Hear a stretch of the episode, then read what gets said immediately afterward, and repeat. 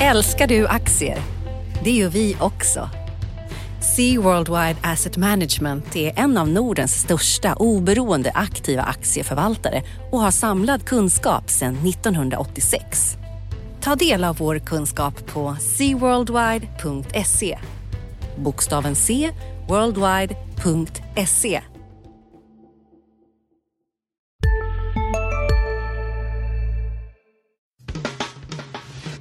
Analyspodden från Dagens Industri. Hej allihopa och välkomna till ännu ett avsnitt av Dagens Industris podd, Analyspodden. Jag heter Ulf Pettersson och mitt emot mig har jag Johanna Jansson. Hej hej.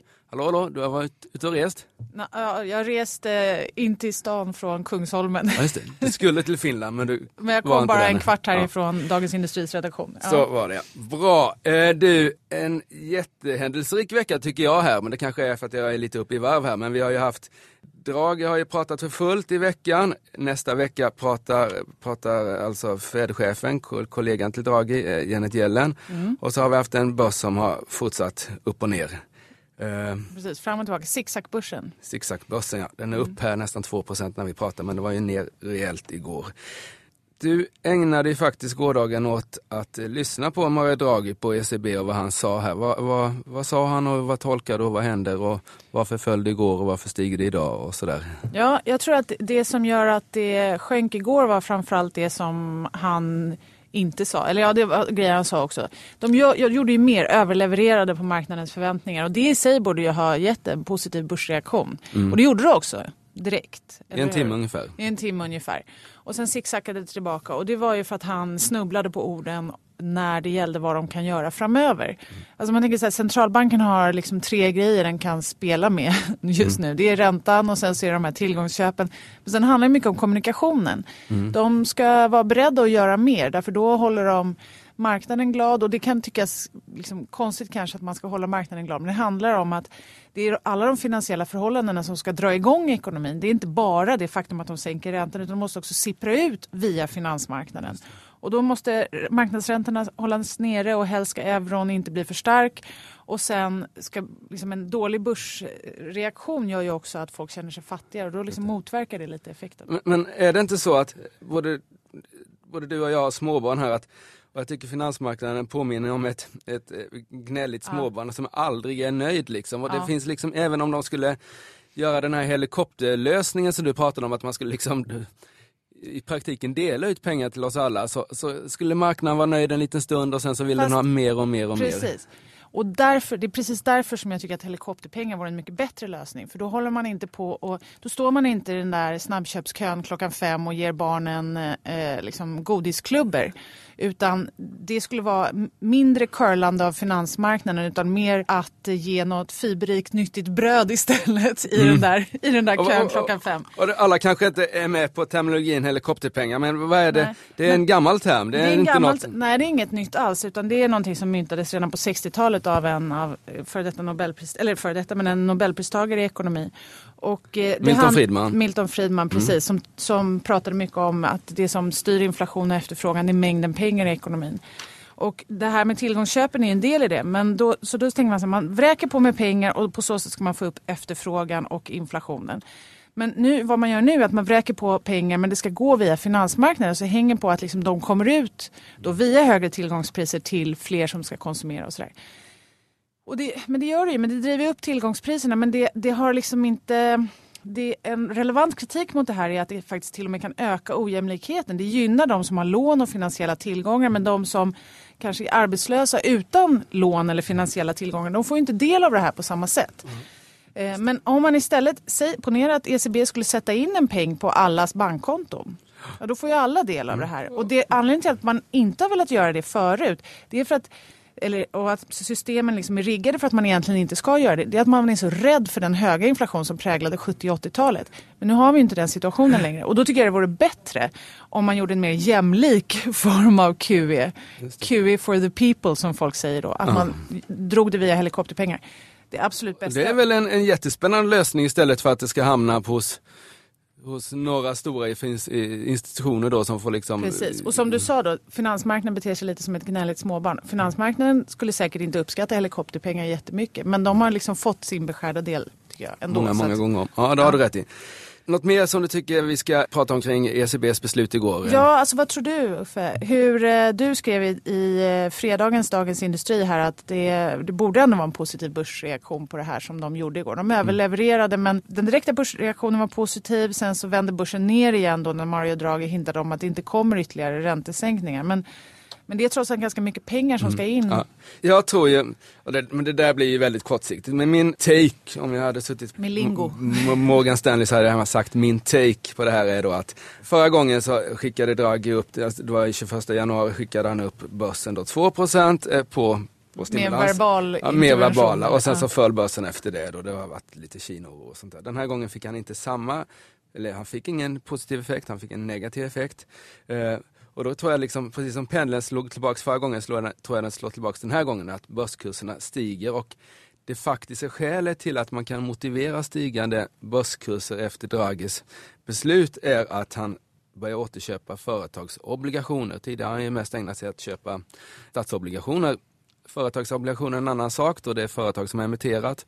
Det kommer driva upp priserna på eh, företagsobligationer kanske mer än vad man gör på statsobligationer eftersom det är en mindre marknad och mindre likvid och en ny stor köpare i det där får större effekt. Eh, sen finns det ett samband mellan företagsobligationspriserna och börskurserna eftersom eh, det är så att säga samma emittent av aktierna och obligationerna och då kan inte de ha hur, hur stor skillnad som helst här. Så då, De gör ju det här också lite för att väcka liv i den europeiska företagsobligationsmarknaden. Bankerna, ja, liksom, bankerna ja. misslyckas ju med att låna ut så då kanske Ja. man får gå till obligationsmarknaden istället. Man går, man går förbi bankerna som har problem idag helt enkelt. Jag tror vi kommer ha en bra börs fram till maj och sen så faller det faller nästan alltid i maj. Och jag tycker det här talar ännu mer för det, att vi kan få en bra mars, en riktigt bra april och sen så börjar det kännas dyrt.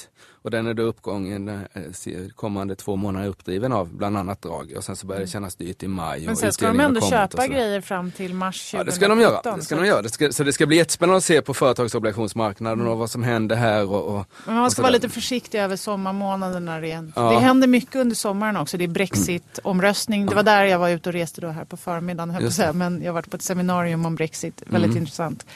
Eh, 23 juni och sen så ska Grekland kommer säkert trassla lite. De ska eh, ha lite återbetalning av lån och sådär. Så det finns ju Det om man, finns- om man tänker åka på semester över hela sommaren ska man se över sitt hus innan dess. Ja, för det har Brexit som sagt var, du har Grekland och sen så har vi de här eh, Draghis pengar också som kan stöka till det. Ja, det blir jättespännande.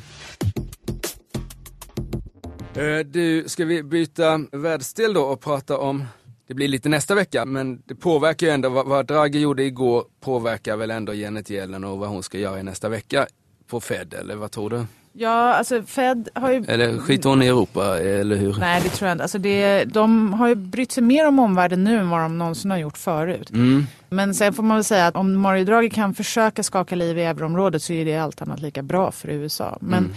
det som är intressant med nästa, med veckans, eller det Fed-möte som nu sker i mars, det är att eh, när Fed höjde räntan då efter flera år med nollränta här eh, i december så var det faktiskt, då pratade man om det som att nästa höjning skulle komma i mars. Mm. Det känns ju inte särskilt troligt just nu. Det har varit så Ha, pass... har du några siffror från de här? Är det, är det liksom Vad- osannolikt till och med? Eller är det ja, alltså marknaden prisar knappt in eh, någon höjning under, eller ja, någon höjning här under året. Ja, men ingen Men- i mars. Det vore Nej. ett riktigt... Eh, Det vore en skräll. Ja. Men Fed-ledamöternas prognoser så sent som i december var att det skulle komma höjningar konsekutivt under de fyra möten som är under Ja, det 2016. blir spännande. Så de måste egentligen ändra sin världsbild här för att motivera att inte höja räntan kan man säga. Och det kan, det kan de säkert göra. Det är liksom lite sådär tryck för högre inflation i USA men det är ingen brådska. Och när är det flasharna på våra nyhetsskärmar börjar ticka? Är det på onsdag På kväll? onsdag kväll, precis. Då, då Någon är gång vid åtta eller sådär? Ja, exakt. Då är det Mm.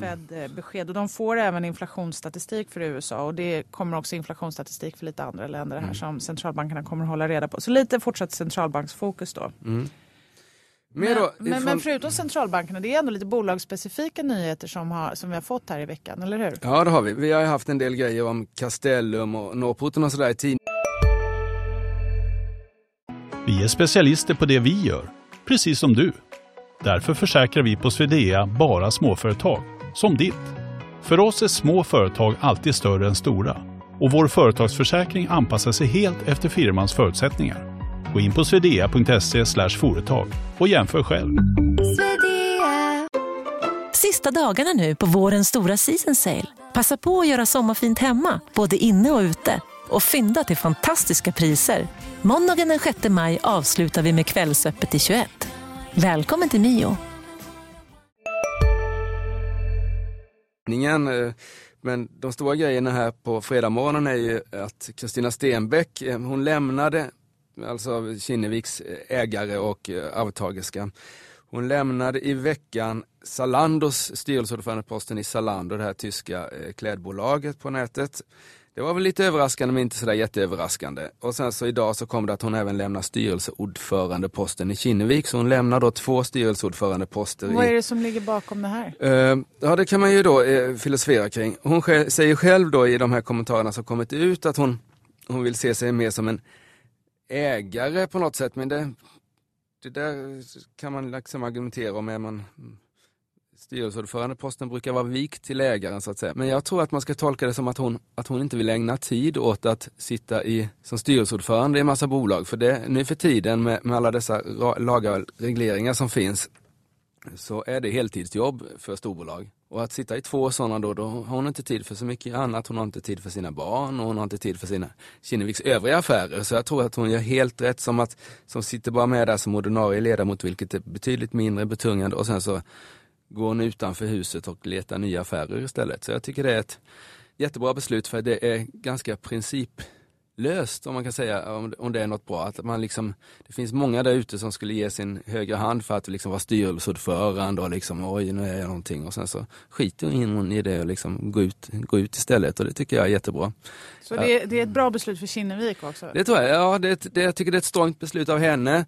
Att hon inte är fast i någonting som, liksom, som hon fick ärva på något sätt. Och jag tror det är bra för Kinnevik också. Eh, Kinnevik har ju visat sig kunna förnya sig hela tiden liksom genom att satsa på nya marknader och, och nya produkter och nya sätt att handla och sådär. Så det, det tror jag är bra. Det, det har ju varit kris många gånger i Kinneviks koncernen sen Jan Stenbeck tog över då på 80-talet. Men eh, det brukar sluta bra. Det kanske det gör den här Vad tycker du om aktien som den är prissatt nu? Jag tycker den är attraktiv. Det är en ganska hög substansrabatt, eh, 16, 17, 18 procent sådär. Eh, vilket är högre än Industrivärden och eh, Investor. Eh, plus att jag gillar delar av deras portfölj i alla fall, så jag tycker den är bra.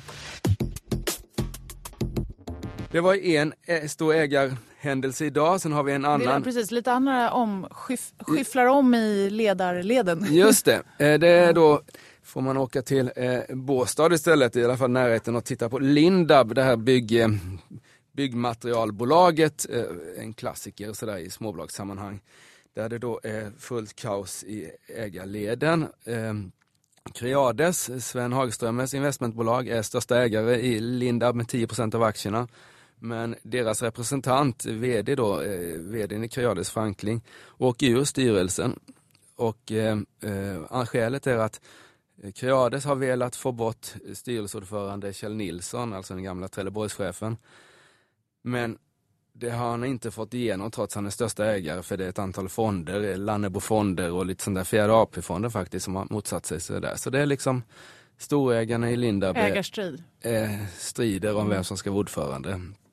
Och där kan man väl se då att om man ska försöka köra någon analogi med, eh, med Kinneviks händelserna så så är Creades en för svag ägare i Lindab för att få göra som de vill. Alltså, det är det jag säger, styrelseordförandeposten är viktig och bra sådär men det är ändå pengarna till slut som talar och det har Stenbeck så hon kan, behöver inte vara styrelseordförande. Creades för att ha kontroll över bolaget måste ha styrelseordförande i posten. Jag tycker att Creades innan de försökte sparka ordföranden då på egen hand tycker jag att de borde ha köpt ganska mycket fler aktier så de hade kunnat liksom ha pengar bakom sina ord också. Mm. Eh, så det är väl det som händer. Och nästa, eller som har hänt idag då, nästa vecka, vi har haft ett råvarurally nästan utan dess like. Eh, ja, vad tror också. du om det? Är det hållbart? Alltså det har påverkat rätt mycket. Råvarupriserna har varit otroligt nedtryckta och många av de tidigare förlorarna har nu återhämtat sig, både när det gäller länder du skrev om bästa börserna här i veckan. Brasilien är tillbaka i topp. Men även för vissa bolag, det påverkar ju ja, många. SSAB har ju stigit jättekraftigt. Eh, Lundin Mining och Boliden lika så då. Nej, men jag tror att det kan vara någon slags botten här. eh, Frågan är om man kan tro, jag hörde en intervju med en företrädare för LKAB, de på Norrlands maner Mm. sa då att det, vi, vi ser med tillförsikt på det här men liksom räknar inte hem någonting än så länge. Det är fortfarande låga priser på många metaller och råvaror Mm. men, även om, men det kanske kan vara en botten då. Det kanske kan vara botten för det, det är låga priser och det pågår någon slags utslagning också i- bland gruvorna här och då, Mm. då börjar man ju nå någon slags botten. Sen så kommer vi nog inte, men jag tror inte man ska, man ska inte titta på hur priserna var för ett antal år sedan. Vi hade den här Kina, Kina euforin och sen så hade vi, hade vi något kursras som orsakade, eller kursfall, eller kurs, eh, kursuppgång som orsakades av ett QE-program här 08-09. Och jag tror att man ska nog inte titta på de priserna för det liksom blir fel, men jag tror att det kan stiga från de här nivåerna, de flesta råvarorna. Och då kan man ändå konstatera att om det blir en stabilisering i råvarupriserna kommer det betyda ganska mycket att de inte fortsätter falla både för inflationen, för de Ja. bolag som ändå lyckats hålla sig kvar vid de här Ja, nivåerna. absolut, så det blir jätte, och det är väldigt hävstång liksom när Mm. du, kostnaderna finns ju där och liksom så, Mm. så det är priset som helt avgör. Och i nästa vecka då, om vi ska snabbt springa över på det, vad, vad, vad kommer du hålla på med då Johanna? Ja, jag kommer ju titta lite på det här med inflationen och där blir ju råvarupriserna en viktig parameter. Alltså som sagt, stabiliseras de på den här nivån så kommer det, jag menar, snart faller då den här sista årets nedgång ur jämförelsetalen och det blir en hjälp för centralbankerna. Men, och sen då Fed-möte på onsdagen. Men sen är det lite på börsen, det är en del nynoteringar, eller hur? Just det, det sätter fart igen. Jag pratade med någon som har varit med, med längre än både du och jag på det här och han säger Va? att det är inte möjligt. Han, han sa då eh, att eh, fönstret är- öppet för bolagen och har varit ett tag så det kommer bli hur mycket noteringar som helst här. Vi har då Sista ruschen, eller? Ja, det vet jag inte. Det, det beror på börskurserna här, men det, det är rush i alla fall. Humana, ett vårdbolag, ska noteras den 22. Vi har ett spelbolag som heter Leo Vega som får en ganska seriös värdering på 3 miljarder ska också ut här och eh, vad den här personen sa då så är det liksom är det fullt ös här innan, innan sommaren så vi, det kan säkert bli ett bolag i veckan här vad det lider i, i april-maj. Mm, det följer de här stora globala trenderna som vi pratar om. En åldrande befolkning med vårdsektor och annat. Ja, Så ja är Humana ja. attraktivt. Humana ja. Och sen så har de haft ganska mycket sådana här eh, flyktingboenden också så de har haft liksom en, en De extra hås av det. trender i, Ja. i en smäll. Mm. Och det är kanske därför de går till börsen också. De, så här, bättre än så här kan det inte bli, tänker de säkert. Eh, Mm. Och ska, vad, vad tror du om dem? Ni, du, ni tittar lite på dem nästa. jag har laddat ner prospektet och jag har tittat på omslaget. Vi kommer skriva om det i veckan här, kanske onsdag, torsdag, vad vi får har för åsikt om det. utkik. Ja. Och tills dess så har man ju fått lyssna på, på vår podd här. Eh, är vi nöjda så Johanna? Ska vi Jag tacka har för en idag? fråga apropå råvarupriser och så här. Vad tycker du om Bolidens senaste förvärv?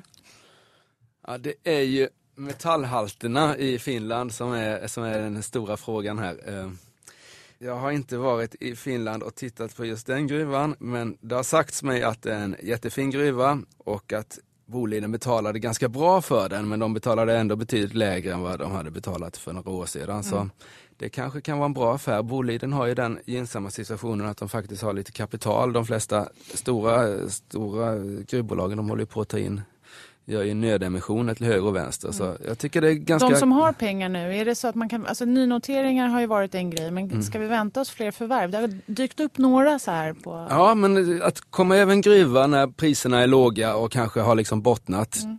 det borde ju vara jättebra. Om man är en Och gruvman om som man man vet vad vågar man tro på köper. någonting, det är, ändå, det är mycket pengar i omlopp, låga räntor.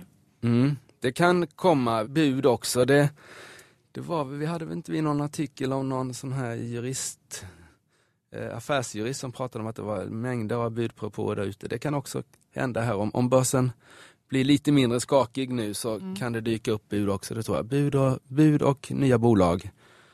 Brexit och allting. Så vi har mycket att prata om även nästa vecka Ja, Johanna. det låter spännande. Du får ha en skön helg Detsamma. och ni där ute får också ha en skön helg. Tack så mycket. Hej! Analyspodden från Dagens Industri. Podden redigerades av Umami Produktion. Ansvarig utgivare Lotta Edling.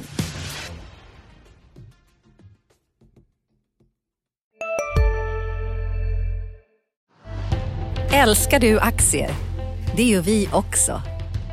Sea Worldwide Asset Management är en av Nordens största oberoende aktiva aktieförvaltare och har samlad kunskap sedan 1986. Ta del av vår kunskap på seaworldwide.se. Bokstaven C, worldwide.se